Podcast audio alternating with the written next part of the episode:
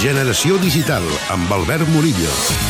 Aquesta mateixa setmana s'ha anunciat un nou format de disc òptic que vol substituir en un futur el sistema de Blu-ray.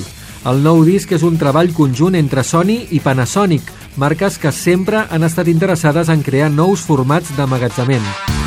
El nou estàndard es diu Archival Disk i permet guardar de 300 gigas fins a un terabyte d'informació. Continua tenint tecnologia òptica i encara que és exactament igual que un disc de CD, de DVD o de Blu-ray, serà de doble cara i portarà tres capes d'informació.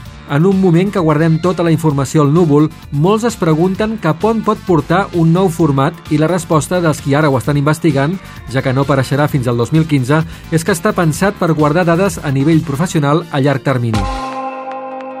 Alguns experts apunten també que pot ser un bon format per la televisió Ultra HD. Fa uns anys la sortida de nous formats era una guerra total pel control de l'audiovisual en uns quants anys i certament la sortida del Blu-ray ha tingut una acollida lenta i més pobra del que els experts s'imaginaven. Corren temps que algunes marques d'ordinador fins i tot surten al mercat sense DVD ni CD i menys amb Blu-ray. El mercat, doncs, dels formats entra de ple al vessant professional.